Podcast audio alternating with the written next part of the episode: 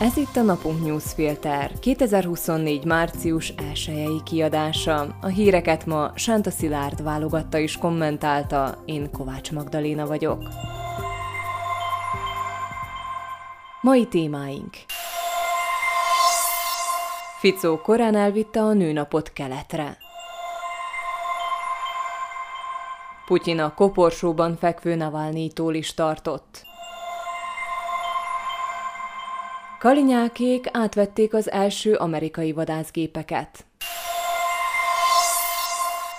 Március 1 van. Tavasz a gardróbban. Love is in the air. El tudják képzelni, amint egy férfi több száz rajongó nő epekedő tekintetében fürdőzik.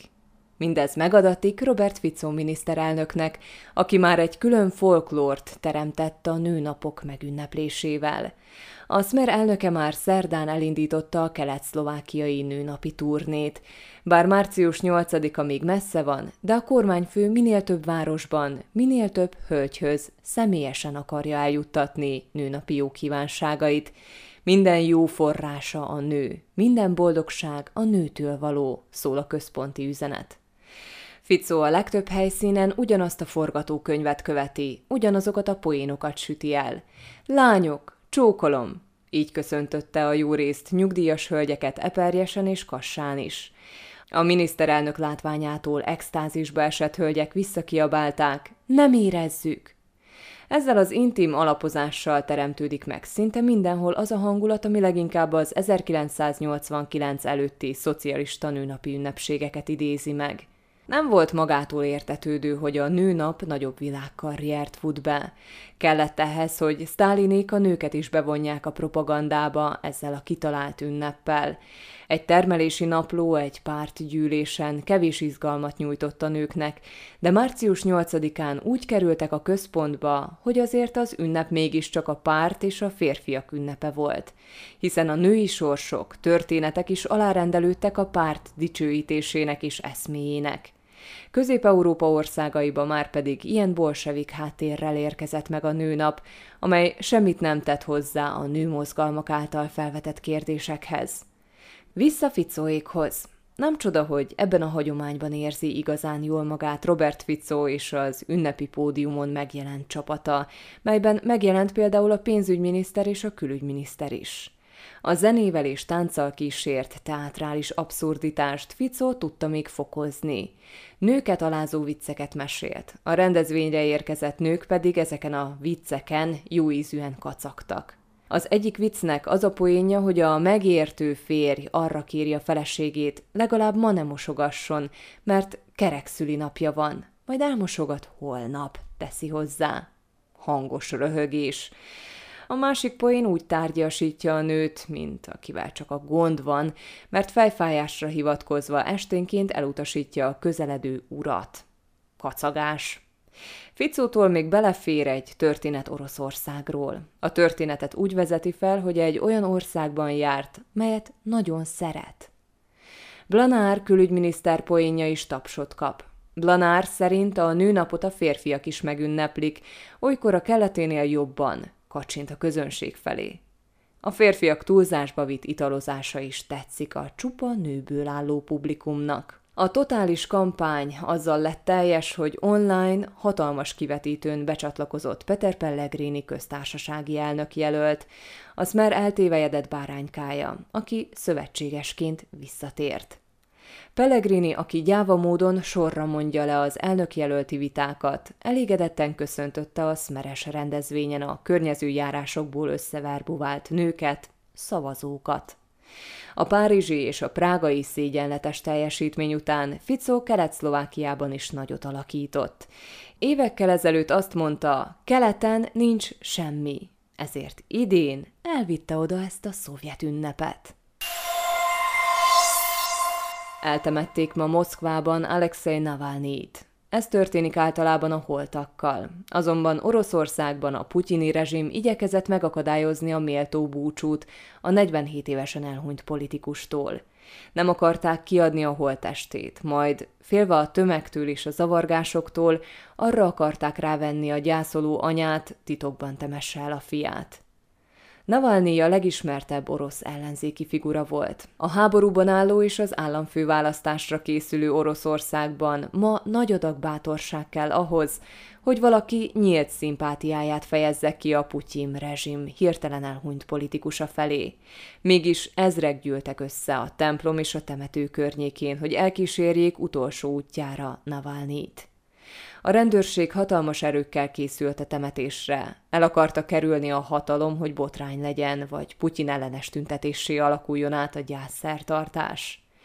Jó előre megfenyegettek mindenkit, hogy tilos a gyülekezés. A tiltás ellenére megjelent gyászolók és búcsúzók azt kiabálták, hogy gyilkos Putyin, és azt is, hogy Alexei, te nem féltél, mi sem félünk. Továbbá háború ellenes üzeneteket is skandáltak, ezért többeket őrizetbe vettek. A temetésen részt vett az amerikai, a német és a francia nagykövet is. Nem volt jelen viszont Navalnyi özvegye Júlia, aki társa volt az ellenállásban is. Júlia feltehetően külföldön tartózkodik. Ha betenni a lábát Oroszországba, azonnal letartóztatnák. Navalnyi titokzatos halála egyértelmű üzenet minden ellenállónak. Putyin mindenkivel könyörtelenül leszámol. Több politikai fogoly sínylődik az orosz börtönökben. Az üzenet hozzájuk is eljutott. De vajon miért rajonganak idehaza egy ilyen rendszert működtető zsarnokért? Mi szimpatikus egy olyan rezsimben, ahol a politikai ellenfeleket meggyilkolják? Hogy kitől búcsúztak? Navalnyi kezdetben nacionalista, bevándorlás ellenes politikus volt, majd a választási csalások és a korrupció lettek a fő témái. Megalapította a korrupció ellenes alapítványt is. Elkezdett Putyin és haverjai mesés meggazdagodása után kutakodni. A rezsim számára a népszerű ellenzéki egyre kényelmetlenebb lett, ezért több alkalommal gazdasági bűncselekmények elkövetésével vádolták meg. 2020-ban aztán megpróbáltak végleg megszabadulni tőle, novicsok idegméreggel mérgezték meg. Egy omszki, majd egy berlini kórházban felépült és többek figyelmeztetése ellenére 2021-ben visszatért Oroszországba, ahol már a reptéren letartóztatták és bebörtönözték, ahonnan haláláig nem szabadult nem tudták megtörni, ezért tavaly decemberben egy északi sarkör közelében lévő börtönbe került, melyről elég, ha annyit mondunk, hogy korábban a gulág büntető táborok része volt. Február 16-án, távol mindenkitől, ebben a szigorított börtönben lett, állítólag Navalnyi rosszul séta közben. Összeesett, és az orvosok már nem tudtak segíteni rajta. Szlovákia lassan újra saját maga ellenőrizheti légterét, ugyanis hivatalosan is átvette az amerikai Egyesült Államokban az első két F-16-os vadászgépet. Robert Kalinyák védelmi miniszter személyesen utazott el a Lockheed központjába, hogy büszkén kihúzza magát az ünnepélyes átadón. A 14 darab F-16-os amerikai vadászgép megvásárlásáról még 2018-ban kötöttek szerződést, szintén Smer kormány idején, de az átadás a koronavírus járvány miatt későbbre tolódott az országnak az Ukrajnának átadott, elavult és zömében használhatatlan orosz MiG-29-esek után újra lesznek saját, modern vadászgépei. A migeket majd 30 éve vette az ország. Szlovákia légterét még néhány hónapig a szomszédos országok védik, mivel az újonnan vásárolt és átadott két vadászgép csak nyáron érkezik az országba. Addig az USA-ban tesztelik a pilóták és megteszik a szükséges beállításokat. Nem véletlenül nevezte Kalinyák védelmi miniszter és O.G. Sanchez, a Lockheed alelnöke egy új korszak kezdetének az üzletet. Egyrészt a vásárlással egy hosszú távú kapcsolat jön létre. A gépeket folyamatosan szervizelni kell, újabb és újabb alkatrészekre, frissítésekre lesz szükség. Ez akár évtizedeket is jelenthet, ahogy az amigekkel is történt az oroszok esetében. Másrészt az önálló Szlovákia történetében ez a legnagyobb volumenű üzlet az amerikai féllel. A vételár meghaladja a két milliárd dollárt. Egyetlen méretes légypiszok a szerződésen, hogy pont egy olyan Smer kormány ütötte nyílba az üzletet, amelyik folyamatosan Amerika ellenes narratívát használ, politikusokat és civil szervezeteket bélyegez meg, azzal vádolja őket, hogy amerikai ügynökök.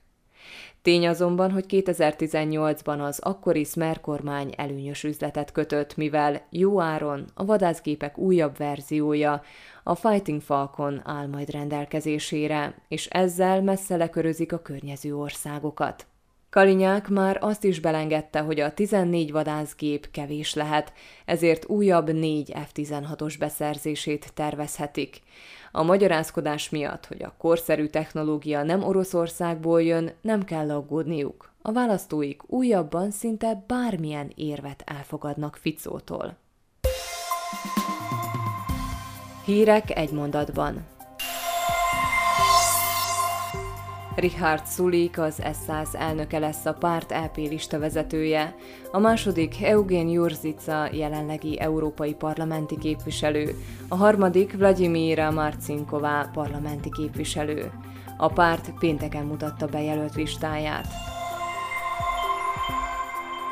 Elektromos autóknak építene töltőállomásokat Érsekújvár. Támogatást az uniós újjáépítési tervből kíván szerezni. A cél a széndiokszid kibocsátás csökkentése és az elektromobilitás támogatása. Katona Rolandot a Dunaszerdahelyi körzeti rendőrörs eddigi vezetőjét nevezte ki járási rendőrkapitánynak Ján Pazsicki, a nagyszombati kerületi rendőrkapitányság igazgatója. A posztot a mai naptól, március 1-től tölti be. Hamarosan újra útlezárásra számíthatnak a nagymegyeren közlekedők, ugyanis március elején folytatódik a Medvei út felújítása. Harmadik szakaszába lépett a Medvei út felújítása, ami a futballpálya előtti lehajtónál kezdődik, és egészen az Izsapi bekötő útig tart majd. Az államfőválasztáson csak Szlovákia területén lehet szavazni, külföldről postai úton nem de azok a külföldön élő állampolgárok is szavazhatnak idehaza, akiknek nincs állandó lakhelyük Szlovákiában, tájékoztatott honlapján a belügyminisztérium. A román munkaügyi tárca tájékoztatása szerint első alkalommal történik meg Romániában, hogy a női munkavállalók többet keresnek a férfiaknál. Februárban Romániában a női munkavállalók bruttó átlagbére 6026 lej, vagyis 1212 euró volt.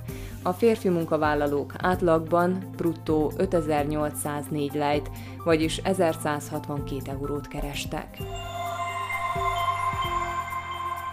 Találkozzunk március 15-én délután Budapesten, és mondjuk el, hogy mit kíván a magyar nemzet, posztolt a Facebook oldalára Magyar Péter.